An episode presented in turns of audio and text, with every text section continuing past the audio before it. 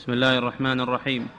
الحمد لله رب العالمين وصلى الله وسلم على عبده ورسوله نبينا محمد وعلى آله وأصحابه أجمعين. قال المؤلف رحمه الله تعالى وقال تعالى الذين قال لهم الناس إن الناس قد جمعوا لكم فاخشوهم فزادهم إيمانا وقالوا حسبنا الله ونعم الوكيل. فانقلبوا بنعمة من الله وفضل لم يمسسهم سوء واتبعوا رضوان الله والله ذو فضل عظيم.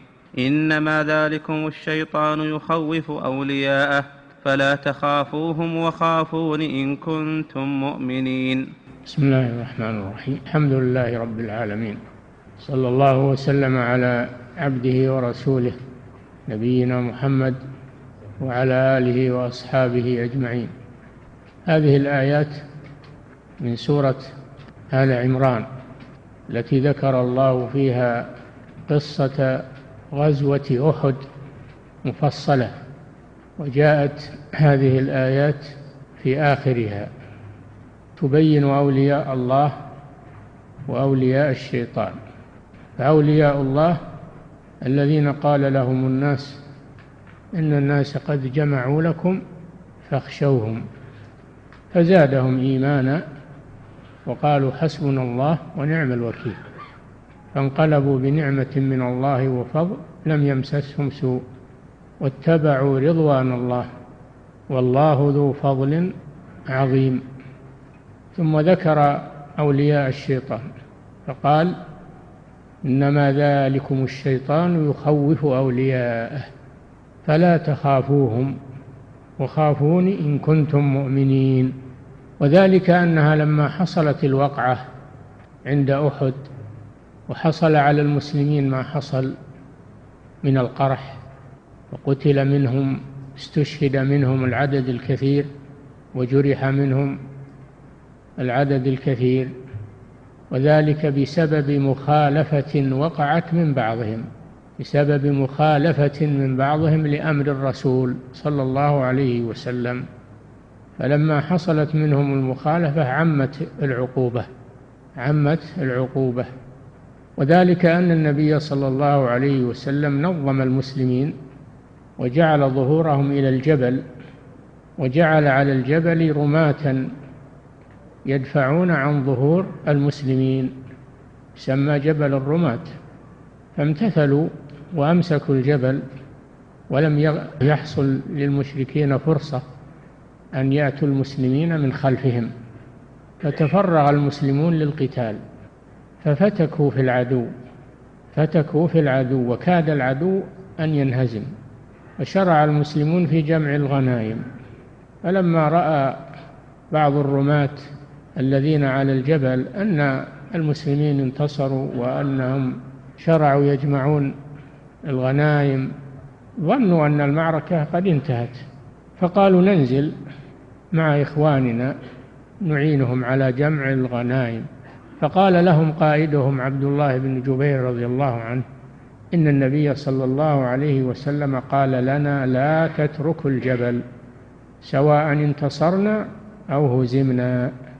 ذكرهم بذلك ولكنهم أصروا على النزول.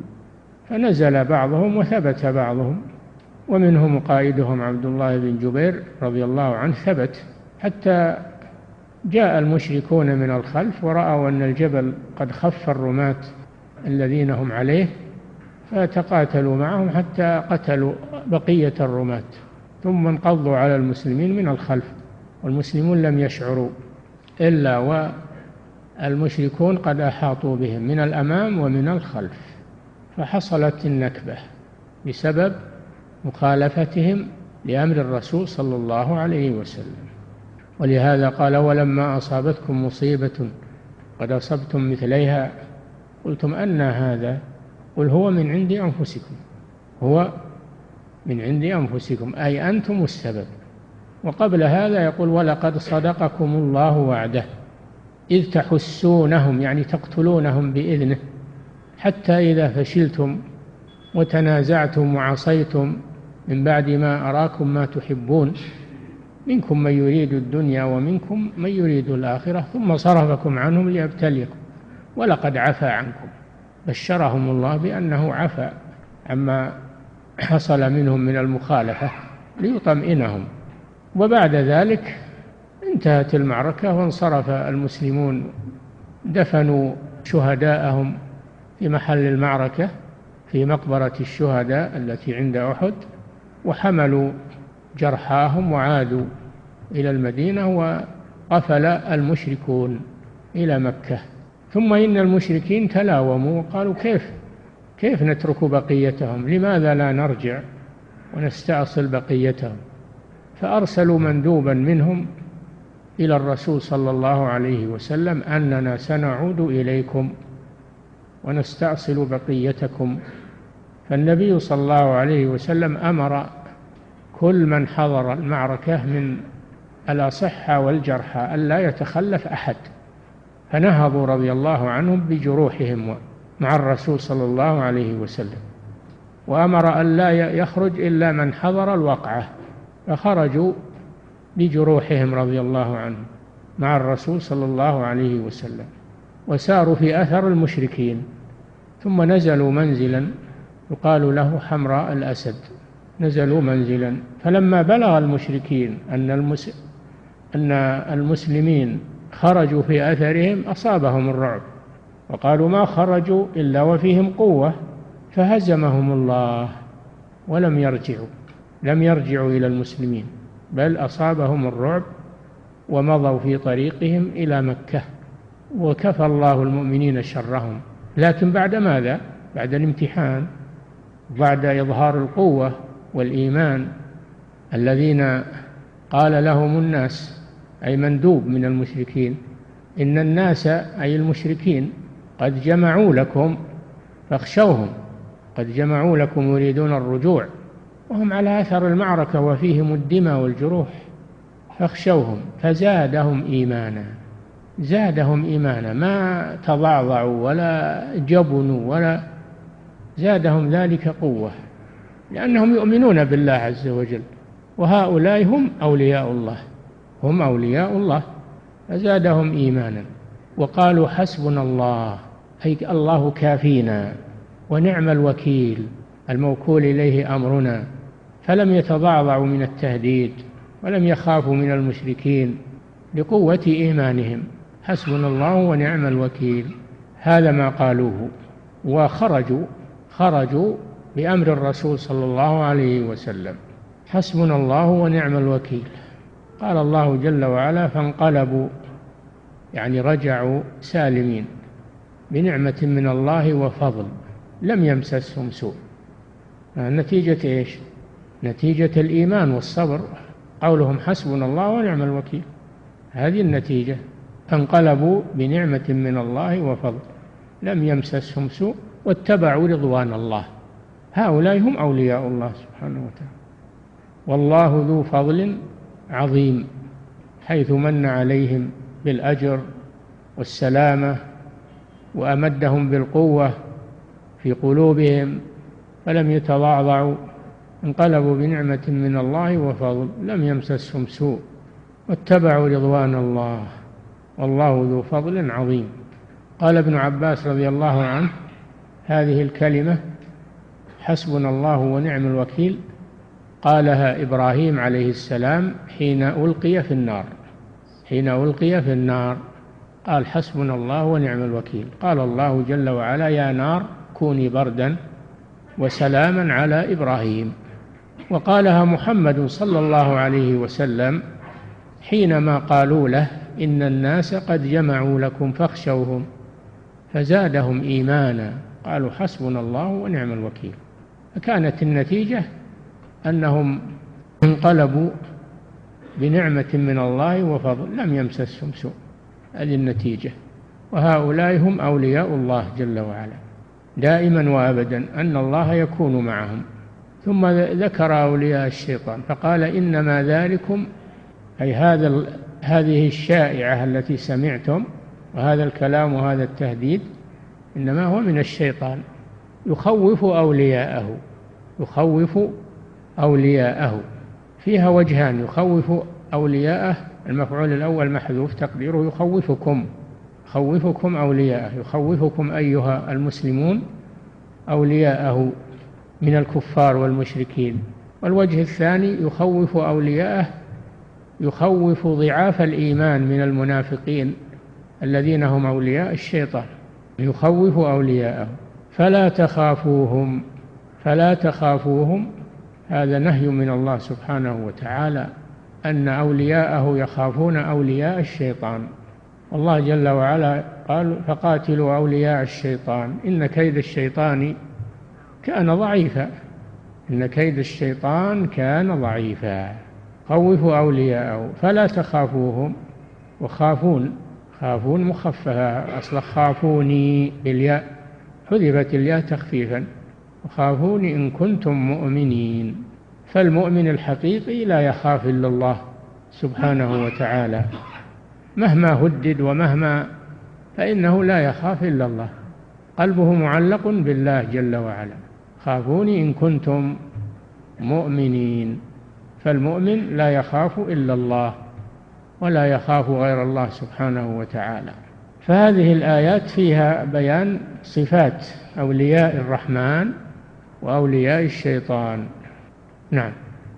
وقال تعالى إنا جعلنا الشياطين أولياء للذين لا يؤمنون وإذا فعلوا فاحشة قالوا وجدنا عليها آباءنا والله أمرنا بها. إلى قوله تعالى إنهم اتخذوا الشياطين أولياء من دون الله ويحسبون أنهم مهتدون. نعم. إنا جعلنا الشياطين أولياء للذين لا يؤمنون. جعلنا الشياطين سلط الله الشياطين على الذين لا يؤمنون. كما قال تعالى ألم تر أن أرسلنا الشياطين على الكافرين تؤزهم أزا فالكفار أولياءهم شياطين. إنا جعلنا الشياطين أولياء للذين لا يؤمنون. السبب أنهم لا يؤمنون. فلما كانوا لا يؤمنون بالله سلط الله عليهم الشيطان وجعله وليهم. كما قال جل وعلا الله ولي الذين آمنوا. يخرجهم من الظلمات إلى النور. والذين كفروا أولياؤهم الطاغوت يخرجونهم من النور إلى الظلمات. أولئك أصحاب النار هم فيها خالدون. إنا جعلنا الشياطين أولياء للذين لا يؤمنون. هذا هو السبب أنهم لا يؤمنون. فدلت الآية على أن الذين يؤمنون فإن الشيطان يبتعد عنهم ويكون وليهم الله جل وعلا. ثم قال جل وعلا وإذا فعلوا فاحشة قالوا وجدنا عليها آباءنا والله أمرنا بها قل إن الله لا يأمر بالفحشاء. أتقولون على الله ما لا تعلمون؟ قل أمر ربي بالقسط وأقيموا وجوهكم عند كل مسجد وادعوه مخلصين له الدين كما بدأكم تعودون. فريقا هدى وفريقا حق عليهم الضلالة. إنهم اتخذوا الشياطين. لماذا حقت عليهم الضلالة؟ لأنهم اتخذوا الشياطين أولياء من دون الله ويحسبون أنهم مهتدون. إذا فعلوا فاحشة وهي أنهم يطوفون بالبيت عراة ويكشفون عوراتهم فكشف العورة فاحشة. فعلوا فاحشة سماه الله فاحشة والفاحشة هي المتناهي في القبح. فكشف العورات والسفور للنساء هذا فاحشة. والذي يأمر بها هو الشيطان وجنوده من الجن والإنس ودعاة الفتنة الذين يدعون الآن إلى خلع الحجاب وإلى السفور. هم مثل الذين كانوا يدعون إلى الطواف بالبيت عراة في الزمان الأول سواء بسواء إذا فعلوا فاحشة. قالوا وجدنا عليها آباءنا. يحتجون ب يحتجون بما وجدوا عليه آباءهم ولا يحتجون بما قال الله قال رسول. إنما يحتجون بآبائهم وأجدادهم. هذه حجة باطلة. حجة باطلة. تكررت منهم وهي باطلة. وجدنا عليها آباءنا. والله أمرنا بها. هذه أشد. نسبوا إلى الله أنه أمرهم أن يطوفوا بالبيت عراة. أن يكشفوا عوراتهم فكذبوا على الله سبحانه وتعالى. والله أمرنا بها رد الله عليهم. فقال لنبيه صلى الله عليه وسلم قل إن الله لا يأمر بالفحشاء. لا يأمر بالفحشاء. هذا يتنافى مع شرع الله سبحانه وتعالى. لا يأمر بالفحشاء. أمر تشريع. أمر تشريع. أما الأمر الكوني والقدري فهذا يقدره الله عقوبة على من قدره عليه لكن الأمر الشرعي أبدا مستحيل أن الله يشرع لعباده كشف العورات لأنه فحشاء والله لا يأمر بالفحشاء من هذا وغيره إن الله لا يأمر بالفحشاء. أتقولون على الله ما لا تعلمون؟ والله أمرنا بها هذا قول على الله بغير علم والقول على الله بغير علم أشد من الشرك. قال تعالى قل أمر ربي بالقسط وأقيموا وجوهكم عند كل مسجد. هذا الذي أمر الله به. عند كل صلاة. عند كل مسجد يعني عند كل صلاة.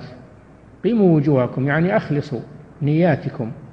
أخلصوا نياتكم وقصدكم لله عز وجل. والأمر ربي بالقسط يعني بالعدل. وكشف العورات ليس من العدل. والأمر ربي بالقسط. وأقيموا وجوهكم عند كل مسجد.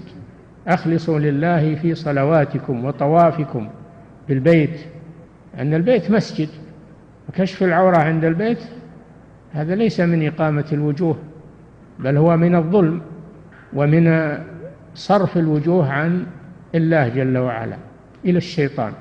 وادعوه مخلصين له الدين أي الدعاء سمى الدعاء دينا. وفي الحديث الدعاء هو العبادة فالدعاء هو أعظم أنواع العبادة وأعظم أنواع الدين مخلصين له الدين. كما بدأكم تعودون كما خلقكم أول مرة فإنه يعيدكم يوم القيامة. والإعادة أهون من البداء في نظر العقول وهو الذي يبدأ الخلق ثم يعيده وهو أهون عليه. وله المثل الأعلى في السماوات والأرض وهو العزيز الحكيم. كما بدأكم حيث خلقكم من العدم تعودون عند البعث كما كنتم في خلقتكم الأولى.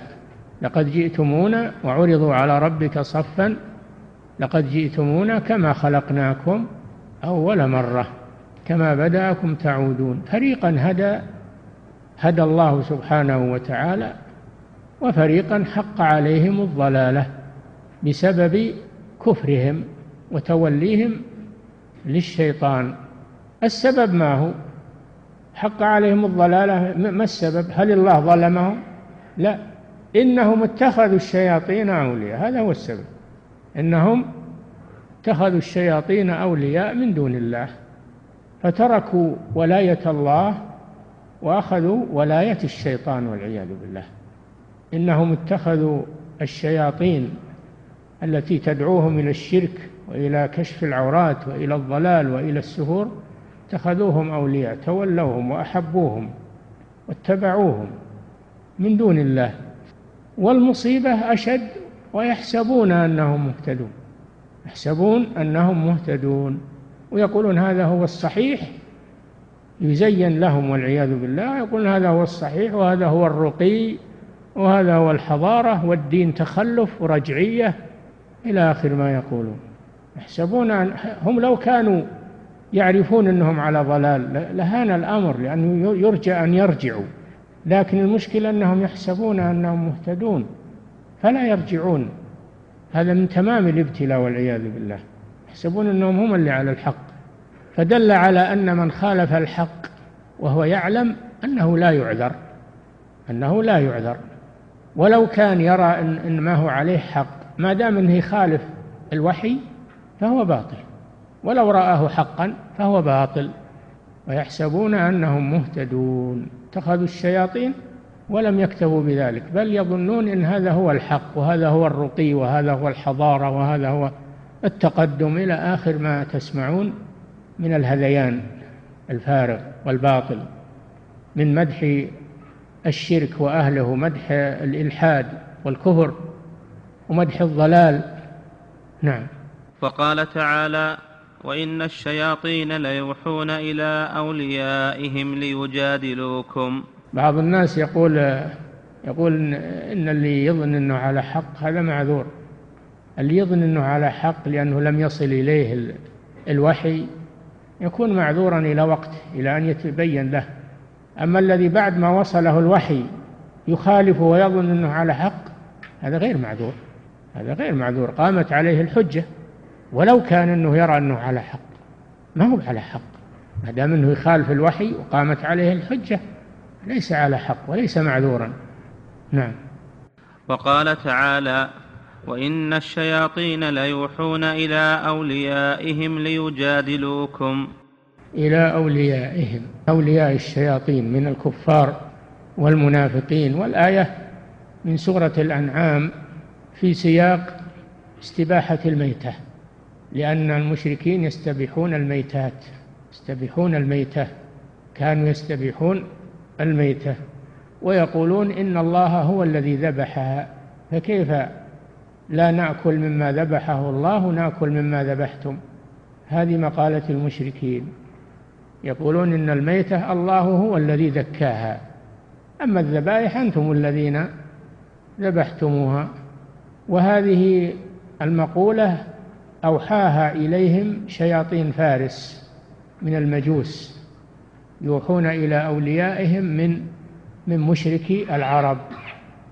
أوحوا إليهم هذه الفرية فقالوا إن الذي ذبحه الله وهو الميتة أولى من المذكات التي ذبحتموها وإن الشياطين أي شياطين الإنس ليوحون إلى أوليائهم. بهذه الحجة الباطلة. ليجادلوكم يجادلوكم أيها المؤمنون. وإن أطعتموهم إنكم لمشركون. إن أطعتموهم في استباحة ما حرم الله إنكم لمشركون بالله. لأن التحليل والتحريم حق لله جل وعلا. لا يجوز لأحد يحلل ويحرم. هذا حق الله جل وعلا. هو الذي يحلل ويحرم. وليس لأحد أن يحلل ويحرم من دون الله. هذا شرك في الطاعة والعياذ بالله. وإن أطعتموهم إنكم لمشركون. وشرك الطاعة نوع من أنواع الشرك. نعم.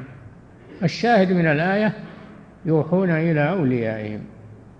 دل على أن من استحل ما حرم الله أنه من أولياء الشيطان.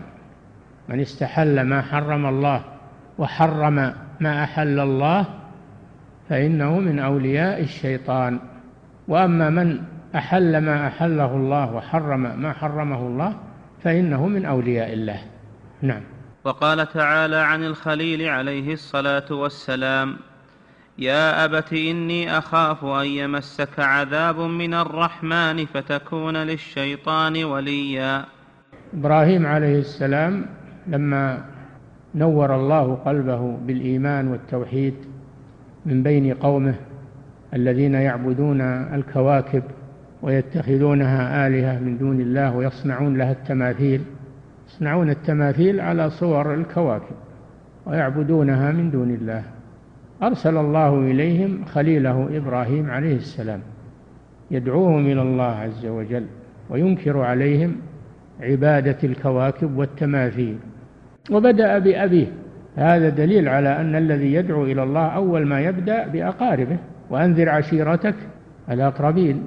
أما أنك تروح للناس وأهل بيتك وأقربائك على الضلال وتروح تسافر وتبعد تدعو الناس إلى الله وتترك أهلك وتترك مع عشيرتك وتترك أهل بلد فهذا خلاف سنة الأنبياء عليهم الصلاة والسلام. أتأمرون الناس بالبر وتنسون أنفسكم؟ وأنتم تتلون الكتاب أفلا تعقلون؟ فإبراهيم عليه السلام بدأ بأبيه. واذكر في الكتاب إبراهيم إنه كان صديقا نبيا. كان صديقا. صديق هو المبالغ في التصديق. في الصدق. الصديق هو المبالغ في الصدق. ولا أحد أصدق من إبراهيم عليه السلام. إنه كان صديقا نبيا. إذ قال لأبيه يا أبتي. شوف يخاطبه بقولها يا أبتي. من باب الاستعطاف. يا أبتي لم تعبد ما لا يسمع ولا يبصر ولا يغني عنك شيئا؟ هذا من باب المخاطبة بالعقل. هذا التمثال اللي أنت تصنعه أنت لأن والد إبراهيم كان يصنع التماثيل وهو التمثال لا يسمع ولا يبصر ولا يغني عنك شيئا. لماذا تعبده؟ خاطبه بالعقل. لم تعبد ما لا يسمع ولا يبصر؟ فدل على أن الله جل وعلا موصوف بالسمع والبصر. لأن الله لو لم يكن يسمع ويبصر لقال والد إبراهيم وأنت أيضا تعبد ما, ما من لا يسمع ولا ولا يبصر. فهذا فيه إثبات السمع والبصر لله عز وجل. لما تعبد ما لا يسمع ولا يبصر ولا يغني عنك شيئا؟ ما يدفع عنك إذا نزل بك مرض ولا نزل بك شدة أو ضيق؟ هذا حجر ما ينفعك بشيء ولا يغني عنك شيئا. يا أبت إني قد جاءني من العلم. شوف بين له أنه يدعوها عن علم هو عن عاطفة ولا عن فقط ولكن عن علم. فيدل هذا على أن الداعية إلى الله يجب أن يكون على علم. ما يدعو وهو جاهل.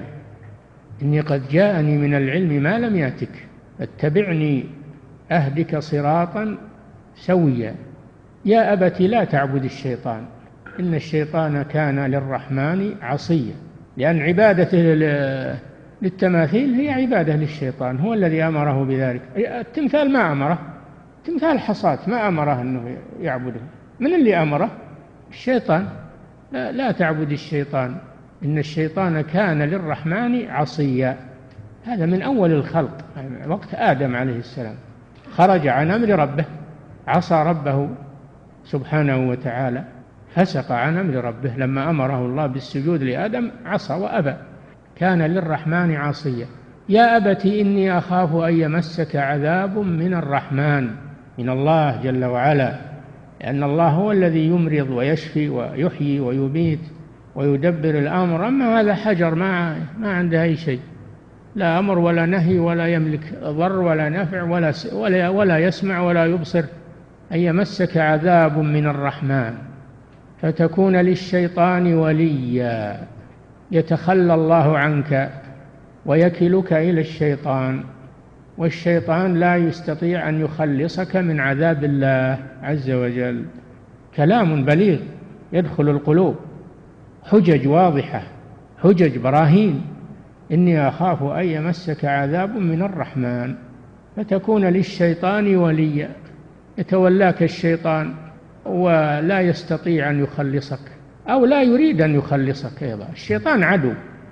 الشيطان عدو. ما يريد لكم الخير أبدا. فتكون للشيطان وليا ويتخلى الله عنك ولا تكون وليا للرحمن سبحانه وتعالى. هذا من أوصاف هذا من أوصاف أولياء الشيطان. من أوصاف أولياء الشيطان. أنهم يعبدون غير الله سبحانه وتعالى من الأشجار والأحجار. والأضرحة والقبور والأولياء والصالحين كل هذا من الشيطان هو الذي يأمر بهذا. ومن فعله ولم ينتهي عنه فإنه يكون من أولياء الشيطان. نسأل الله العافية. نعم. وقال تعالى يا أيها الذين آمنوا لا تتخذوا عدوي وعدوكم أولياء تلقون إليهم بالمودة الآيات إلى قوله سبحانه إنك أنت العزيز الحكيم. نعم هذه الآيات في مطلع سورة الممتحنة. سورة الممتحنة. صدرها الله بقوله مخاطبا المؤمنين. يا أيها الذين آمنوا لا تتخذوا عدوي وعدوكم أولياء. تلقون إليهم بالمودة. قد كفروا بما جاءكم من الحق. إلى قوله تعالى إنك أنت العزيز الحكيم في دعاء إبراهيم عليه السلام وقومه. وهذه السورة نزلت بسبب وهي أن النبي صلى الله عليه وسلم لما أراد أن يغزو مكة يغزو المشركين في مكة لأنهم خانوا العهد الذي بينهم وبينه. صلح الحديبية خانوا نقضوا نقضوا صلح الحديبية. فالرسول صلى الله عليه وسلم عزم على غزوهم لكنه أخفى ذلك أخفى ذلك وأسره ولم يبين وجهته لم يبين وجهته لأصحابه لأن هذا من أسرار الحرب التي التي لا تظهر للناس. فتوجه فتوجه إلى مكة في رمضان وكان من جملة الصحابة حاطب بن أبي بلتع رضي الله عنه. حاطب بن أبي بلتع رضي الله عنه من سادات الصحابة وممن شهدوا بدرا لكنه اجتهد فأخطأ فكتب إلى المشركين كتابا سريا يخبرهم أن محمدا صلى الله عليه وسلم أراد غزوهم وأرسل الكتاب مع امرأة خفية فأوحى الله إلى نبيه صلى الله عليه وسلم بالأمر فأرسل خالد بن الوليد وعلي بن أبي طالب في أثر المرأة وقال تجدونها في موضع كذا وكذا فأدركاها في الموضع الذي حدده الرسول صلى الله عليه وسلم. في النهاية أخذ منها الكتاب وأتيا به إلى رسول الله صلى الله عليه وسلم وهو من حاطب بن أبي بلتعة إلى أهل مكة. النبي صلى الله عليه وسلم لم يستعجل في الأمر لم يستعجل في الأمر. مع أن هذا أمر شديد لكنه لم يستعجل في الأمر فاستدعى حاطب بن أبي بلتعة رضي الله عنه وقال ما هذا يا حاطب؟ قال يا رسول الله لا تعجل علي. إن أصحابك ما منهم من أحد إلا وله قرابة في مكة. وأما أنا فأنا لصيق في أهل مكة ليس لي قرابة. وأنا أعلم أن الله سيظهرك عليهم. أنا أتيقن أن الله سيظهرك عليهم فأخشى أن ينتقموا من قرابتي في مكة. أخشى أن ينتقموا لأن ما لهم أحد يدافع عنهم. أما أصحابك كل واحد له قرابة في مكة يدافعون عن قرابتهم وأهليهم في مكة.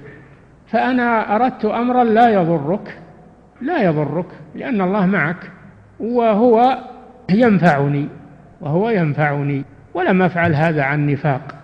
لم أفعل هذا عن نفاق ولكني واثق أن الله سينصرك وإنما أردت فقط أن أحمي قرابتي في مكة لأن ليس لها لست من أهل مكة في الأصل. فقال النبي صلى الله عليه وسلم لقد صدقكم فتركه صلى الله عليه وسلم. الصحابة غضبوا على حاطب رضي الله عنه بينما الرسول حلم عليه وعفى عنه. فالصحابة غضبوا من هذا الفعل.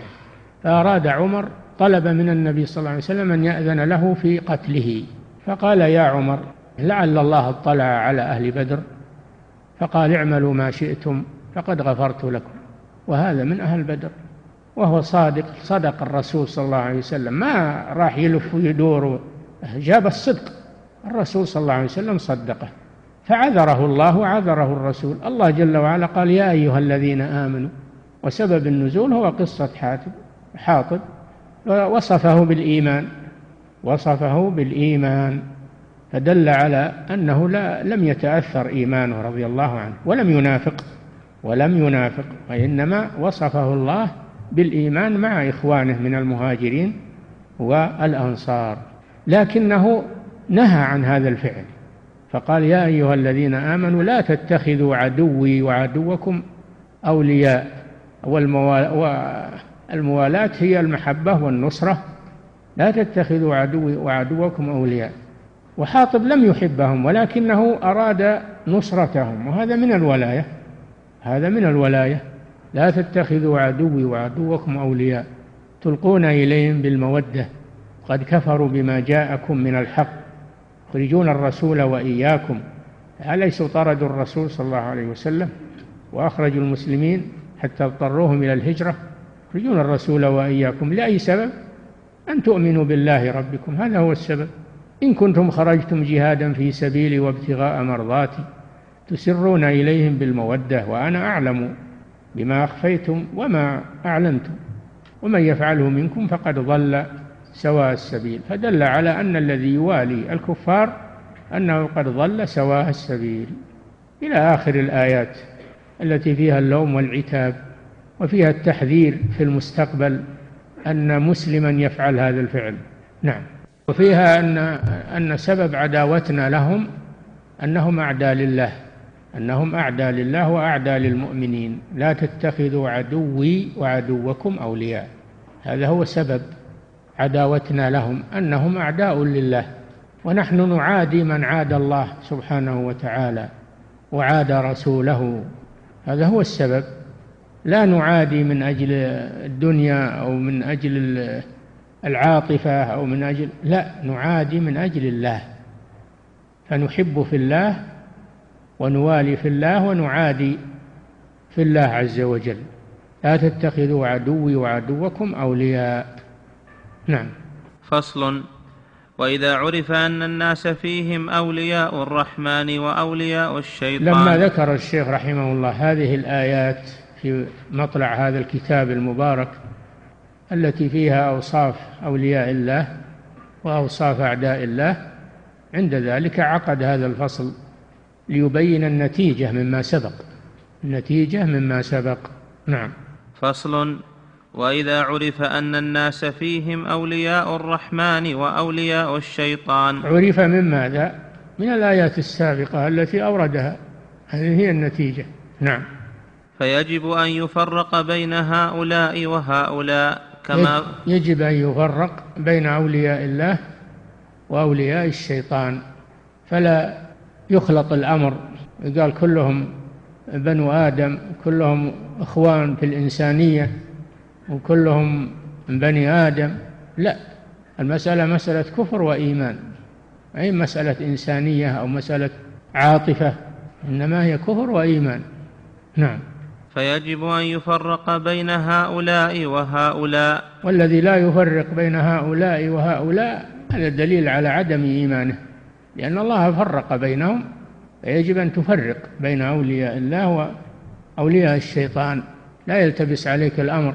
هذا فيه الرد على من يعتقد أن السحرة والكهان والمنجمين بما معهم من الخوارق الشيطانية أنهم أولياء لله وأن هذه الخوارق كرامات من الله عز وجل. هذا لا يفرق بين الحق والباطل ولا بين أولياء الله وأعداء الله. نعم. فيجب أن يفرق بين هؤلاء وهؤلاء. كما فرق الله ورسوله صلى الله عليه وسلم بينهما. الله فرق بينهما كما سمعتم في الآيات. نعم. فأولياء الله هم المؤمنون المتقون. كما قال تعالى ألا إن أولياء الله لا خوف عليهم ولا هم يحزنون. ثم فسرهم وبينهم فقال الذين آمنوا وكانوا يتقون. فكل مؤمن تقي فإنه ولي لله. وكل كافر ومشرك ومنافق فإنه عدو لله. نعم. وفي الحديث الصحيح الذي رواه البخاري وغيره عن أبي هريرة رضي الله عنه عن النبي صلى الله عليه وسلم أنه قال يقول الله عز وجل من عادى لي وليا فقد بارزني بالمحاربة أو فقد آذنته بالحرب. وما تقرب الي عبدي بمثل اداء ما افترضت عليه ولا يزال عبدي يتقرب الي بالنوافل حتى احبه فاذا احببته كنت سمعه الذي يسمع به وبصره الذي يبصر به ويده التي يبطش بها ورجله التي يمشي بها فبي يسمع وبي يبصر وبي يبطش وبي يمشي ولئن سالني لاعطينه ولئن استعاذ بي لأعيذنه وما ترددت عن شيء أنا فاعله ترددي عن قبض نفس عبد المؤمن يكره الموت وأكره مساءته ولا بد له منه. نعم هذا الحديث رواه البخاري في صحيحه ورواه غيره وله طرق كثيرة قوي بعضها بعضا يرتفع إلى درجة الصحة ولذلك خرجه البخاري في صحيحه. فلا التفات إلى من تكلم في هذا الحديث وعتب على البخاري. البخاري أعلم من هؤلاء وأحكم في معرفة الحديث الصحيح وهو حجة حجة عند المسلمين. لا يشكك في صحيحه أو في أحاديث في صحيحه أبدا. فهذا الحديث حديث قدسي لأنه من كلام الله. سبحانه وتعالى. يرويه عنه رسوله صلى الله عليه وسلم أن الله جل وعلا قال هذا فيه إثبات الكلام لله عز وجل والقول لله من عادى لي وليا فقد آذنته بالحرب هذا إعلان من الله سبحانه وتعالى أن الذي يعادي المؤمنين أنه معاد لله عز وجل. وأن الله أعلن عليه الحرب مثل ما أعلن الحرب على أكلة الربا فإن لم تفعلوا فآذنوا بحرب من الله ورسوله. وهل أحد يطيق أن يحارب الله جل وعلا؟ فقد آذنته أي أعلمته بأني محارب له والعياذ بالله لأن الله ينتصر لأوليائه. فالذين يقعون في أعراض العلماء الآن ويتنقصونهم ويغتابونهم في المجالس هؤلاء من هذا الصنف من الذين يعادون أولياء الله. لماذا؟ لأن العلماء ورثة الأنبياء. قد قال صلى الله عليه وسلم وإن العلماء ورثة الأنبياء فهم ورثة الأنبياء. ولما قال ناس في عهد النبي صلى الله عليه وسلم ما رأينا مثل قرائنا هؤلاء. أرغب بطونا وأكذب ألسنا وأجبن عند اللقاء. قال الله جل وعلا فيهم لا تعتذروا قد كفرتم بعد إيمانكم. لا يجوز للإنسان أنه يتكلم في العلماء ورثة الأنبياء. ولو أخطأ من أخطأ منهم عن غير قصد لا يتخذ الخطأ وسيلة للطعن فيه وترخيص على الناس واغتيابه عند الناس. فهذا يجب التنبه له. هؤلاء الذين يقعون في أعراض العلماء ويعمرون بها مجالسهم ويوالون ويعادون على هذا. لا حول ولا قوة إلا بالله. حتى تفرقوا واختلفوا وتعادوا فيما بينهم. وهم يزعمون أنهم طلبة علم أو أن بعضهم يزعم أنه شيخ من العلماء. فهذا من الشيطان في الحقيقة. هذا من كيد الشيطان في الحقيقة. من عادى لي وليا فقد آذنته في الحرب. أعلن الله عليه الحرب ومن حاربه الله فهو مخذول ولن ينتصر أبدا. فهذا فيه التحذير من معاداة أولياء الله عز وجل. نعم والرواية؟ عفوا عنك. قال يقول الله عز وجل من عادى لي وليا فقد بارزني بالمحاربة. بارزني بالمحاربة. نعم وفي رواية أو فقد آذنته بالحرب. أو فقد آذنته بالحرب. أي أعلنت عليه الحرب. فالروايتان بمعنى واحد. أن من عاد أولياء الله فهو محارب لله عز وجل. والله يحاربه. نعم. وما تقرب إلي عبدي بمثل أداء ما افترضت هذه صفات أولياء الله أنهم يتقربون إلى الله. لما ذكر التحذير من معاداة أولياء الله. من هم أولياء الله؟ هم هؤلاء الذين يتقربون إلى الله بأداء الفرائض ثم بالنوافل. وما تقرب إلي عبدي بشيء أحب إلي مما افترضته عليه. هذا فيه الحث على أداء الفرائض التي فرضها الله. قد قال صلى الله عليه وسلم إن الله فرض فرائض فلا تضيعوها. ولأن الفرائض هي الأساس هي الأساس. فمن ضيع الفرائض فإن النوافل لا تنفعه لأنه يبني على غير أساس. لو أن الإنسان يقوم الليل كله كل الليل يقوم تهجد ويصيح ويبكي لكنه لا يحافظ على الفرائض يضيع الفرائض الصلوات الخمس فعمله هباء منثور تعب بلا فائدة.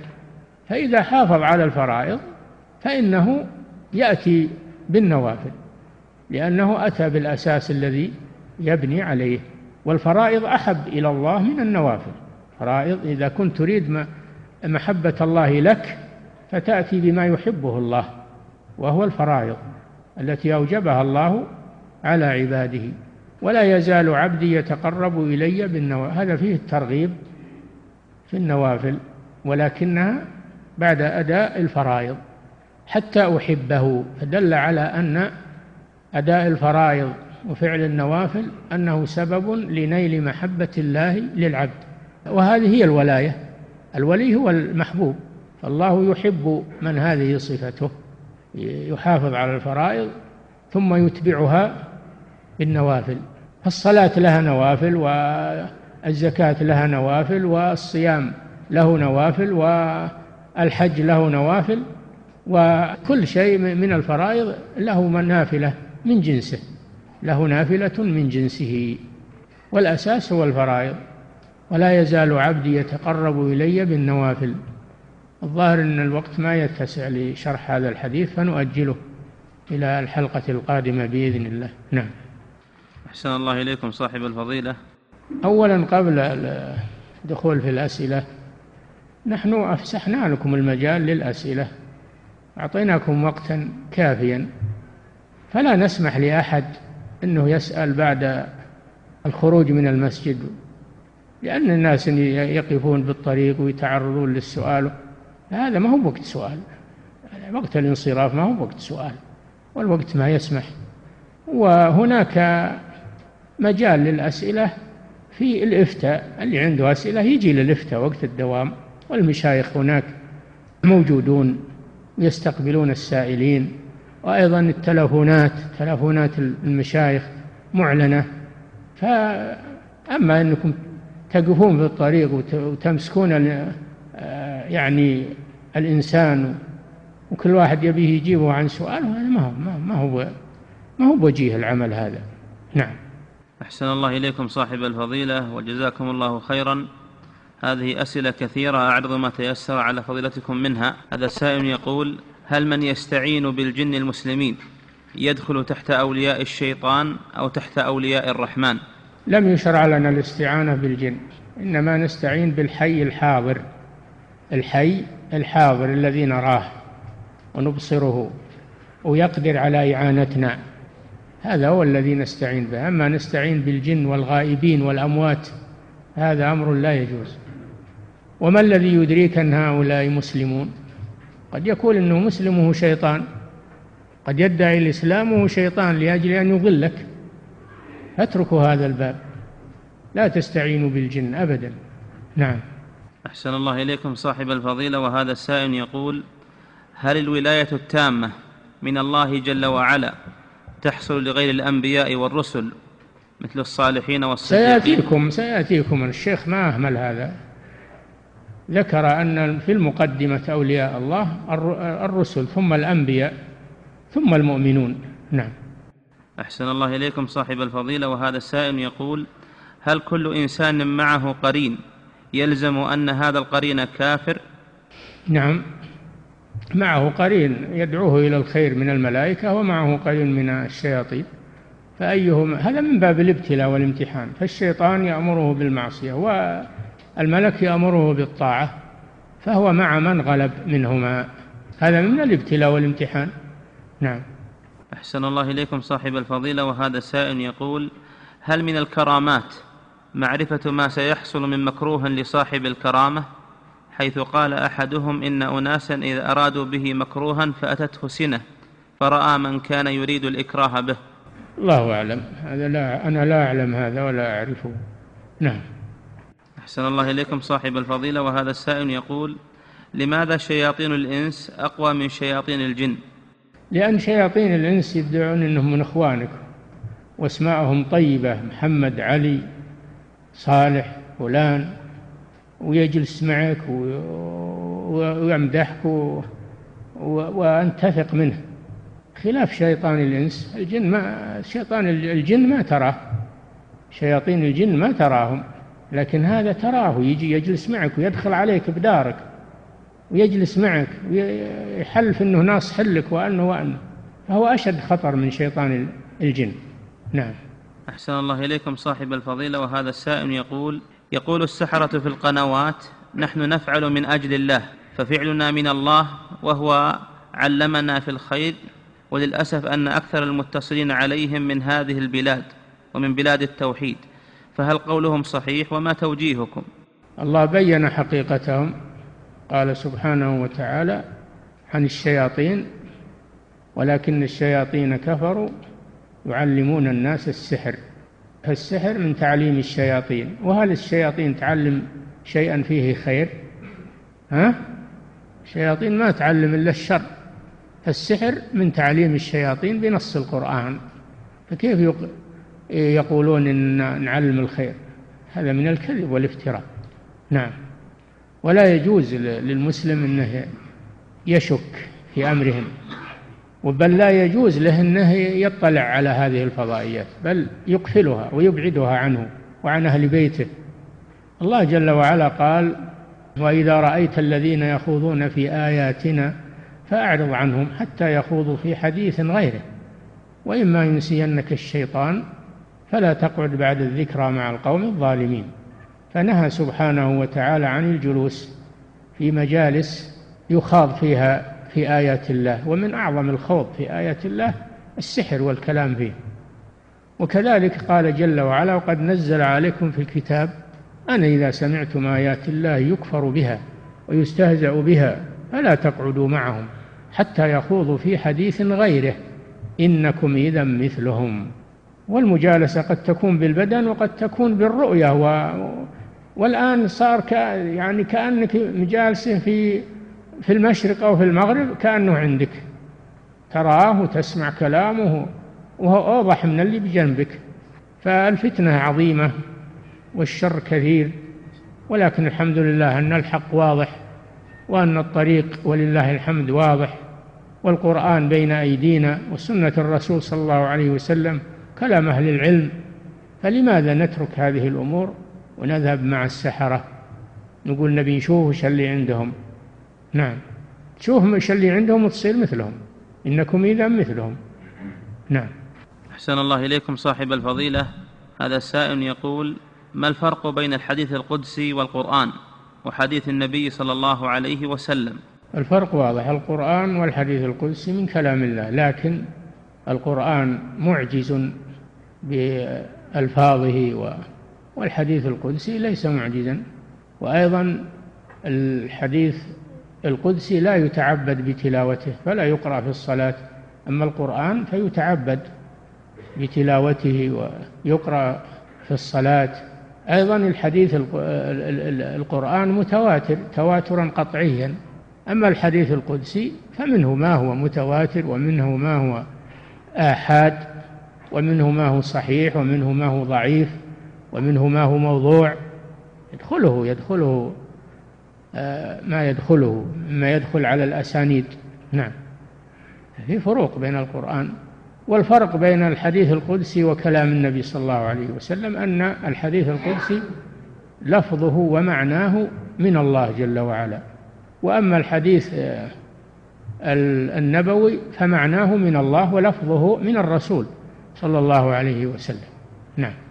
أحسن الله إليكم صاحب الفضيلة وهذا السائل يقول هل من قال إن اليهود والنصارى إخواننا وكلنا مسلمون والقرآن أمرنا بمودتهم هل يدخل هذا في الناقض من نواقض الإسلام في من لم يكفر المشركين أنه يكفر؟ نعم نعم. من قال إنهم إخواننا فإنه مرتد إلا إن كان جاهلا. ما بين له ولا قامت عليه الحجة. أما إن كان أنه يدعي أنه عالم وأنه يعرف فهذا يرتد عن ذلك لأنهم ليسوا إخواننا هم كفار ونحن مسلمون ولله الحمد والكافر لا يكون أخا للمسلم هم أعداء الله والمسلمون أولياء الله كيف يكون عدو الله أخا لولي الله؟ هذا أمر باطل. وأما قوله إن الله أمرنا بمودتهم فهو كذاب قد كذب على الله. الله ما أمر بمودتهم. لا تتخذوا عدوي وعدوكم أولياء تلقون إليهم بالمودة. الله نهى عن مودتهم لكن أمر بمعاملتهم والإحسان إلى من أحسن إلى المسلمين من باب المكافأة. نعم الله أمر بمكافأة المحسن منهم. لا ينهاكم الله عن الذين لم يقاتلوكم في الدين ولم يخرجوكم من دياركم أن تبروهم وتقسطوا إليهم. هذا من باب المكافأة في الدنيا. لكن لا نحبهم نكافئهم على ما فعلوا من الإحسان إلى المسلمين لكن لا نحبهم في فرق بين هذا وهذا نعم أحسن الله إليكم صاحب الفضيلة هذا السائل يقول هناك من يستدل بقصة حاطب رضي الله عنه لالتماس الأعذار لمن يتولى الكفار ويعينهم على قتال المسلمين وينصرهم فهل هذا الاستدلال صحيح؟ هل فعل حاطب أصبح جائزا؟ فعل حاطب أصبح جائزا بعدما نهى الله عنه. الله حرم هذا حرم هذا الفعل لكنه عذر حاطبا رضي الله عنه بسابقة إيمانه وبصدقه مع الرسول صلى الله عليه وسلم وباجتهاده الذي اجتهده وأخطأ فيه. أما أن يقال أن هذا جائز بدليل فعل حاطب هذا كذاب. اللي يقول هالكلام هذا كذاب لأن الله نهى عن ذلك. لا تتخذوا عدوي وعدوكم أولياء إلى آخر السورة. وفي الآخر آخر السورة يا أيها الذين آمنوا لا تتولوا قوما غضب الله عليهم قد يئسوا من الآخرة كما يئس الكفار من أصحاب القبور. نعم. ففعل حاطب ليس جائزا لكنه عذر رضي الله عنه في ذلك. نعم. أحسن الله إليكم صاحب الفضيلة. وهذا سائل يقول هل من قال بأن أولياء الله لهم من الكرامات مثل ما للأنبياء حتى إحياء الموتى. هل هذا الأنبياء لهم معجزات لا يقدر عليها أحد إلا الله سبحانه وتعالى وقد خص الله بها الأنبياء. أما الأولياء فليس لهم معجزات إنما لهم خوارق فقط دون المعجزات. نعم. يقول سلمك الله في بقية سؤاله هل من قال بأن الأولياء لهم من الكرامات كما للأنبياء حتى إحياء الموتى؟ هل هذا القول هو قول قول لأهل السنة أم أنه قول أهل البدع؟ هذا حتى ما هو قول أهل البدع هذا قول الكفار. ما أحد يحيي الموتى إلا الله ومن أقدره الله على ذلك كالمسيح عليه السلام. معجزة للمسيح معجزة الأنبياء لا تكون لغيرهم. فلا أحد يحيي الموتى إلا الله جل وعلا. ومن جعل الله له معجزة كالمسيح عليه الصلاة والسلام فقط. نعم.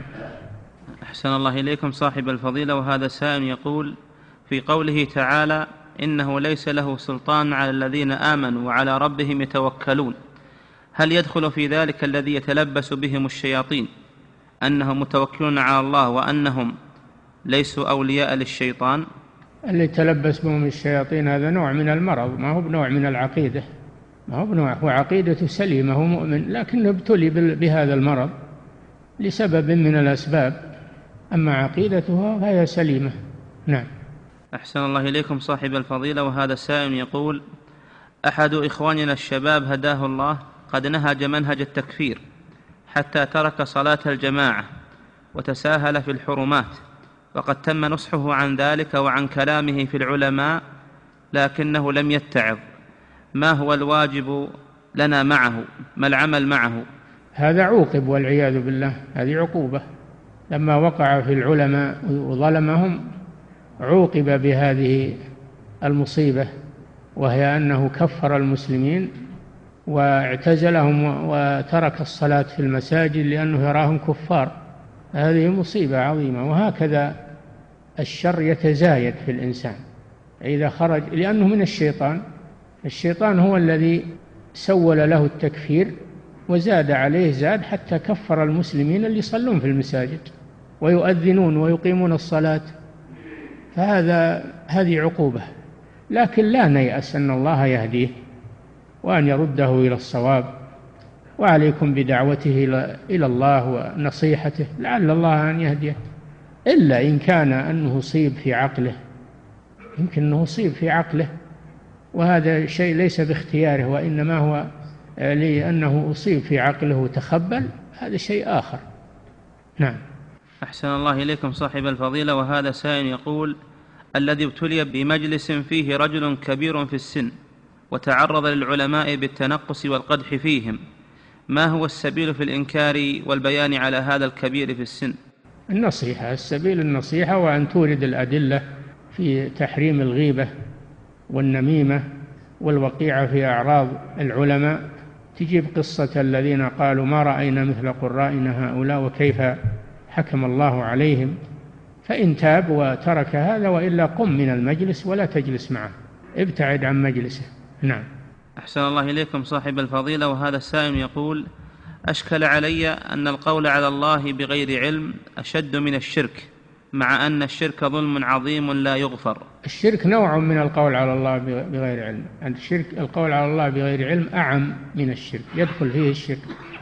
وهذا في القرآن وهذا في القرآن قل إنما حرم ربي الفواحش ما ظهر منها وما بطن والإثم والبغي بغير الحق وأن تشركوا بالله ما لم ينزل به سلطانا وأن تقولوا على الله ما لا تعلمون فجعل القول على الله بغير علم فوق الشرك. نعم. أحسن الله إليكم صاحب الفضيلة وهذا السائل يقول في قوله تعالى إن الله لا يأمر بالفحشاء. هل نقول إن الله نفى عن نفسه الأمر بالفحشاء؟ لا يأمر بالفحشاء أمر تشريع. أما أنه يأمر بها أمرا كونيا قدريا فهذا شيء آخر. ما في شيء يقع إلا بأمر الله الكوني. بأمر الله الكوني. أما الأمر الشرعي والله لا يأمر بالفحشاء. نعم. والأمر كما تعلمون على قسمين أمر كوني وأمر شرعي. نعم.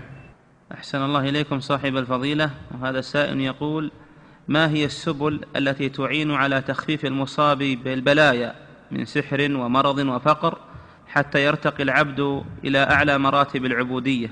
ملازمة طاعة الله والإكثار من ذكر الله ومن تلاوة القرآن ومن مجالسة الصالحين. نعم.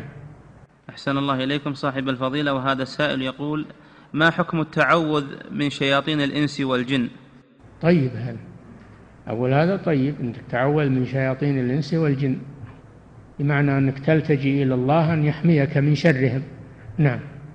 أحسن الله إليكم صاحب الفضيلة. وهذا السائل يقول في قوله تعالى لئن لم ينتهي المنافقون والذين في قلوبهم مرض والمرجفون في المدينة السؤال من هم المنافقون ومن هم الذين في قلوبهم مرض ومن هم المرجفون في المدينة؟ وهل كلهم منافقون نعم المنافقون منهم من هو منافق ومقتصر نفاقه عليه ومنهم من هو منافق يؤذي المسلمين ويضايق المسلمين ومنهم منافق يشتغل بالإشاعات إشاعات الباطلة بين المسلمين الذين يحبون أن تشيع الفاحشة بالذين آمنوا. فالمنافقون أصناف والعياذ بالله. والذين في قلوبهم مرض هو المنافق في قلبه مرض. قال الله جل وعلا في قلوبهم مرض فزادهم الله مرضا ولهم عذاب أليم بما كانوا يكذبون. نعم.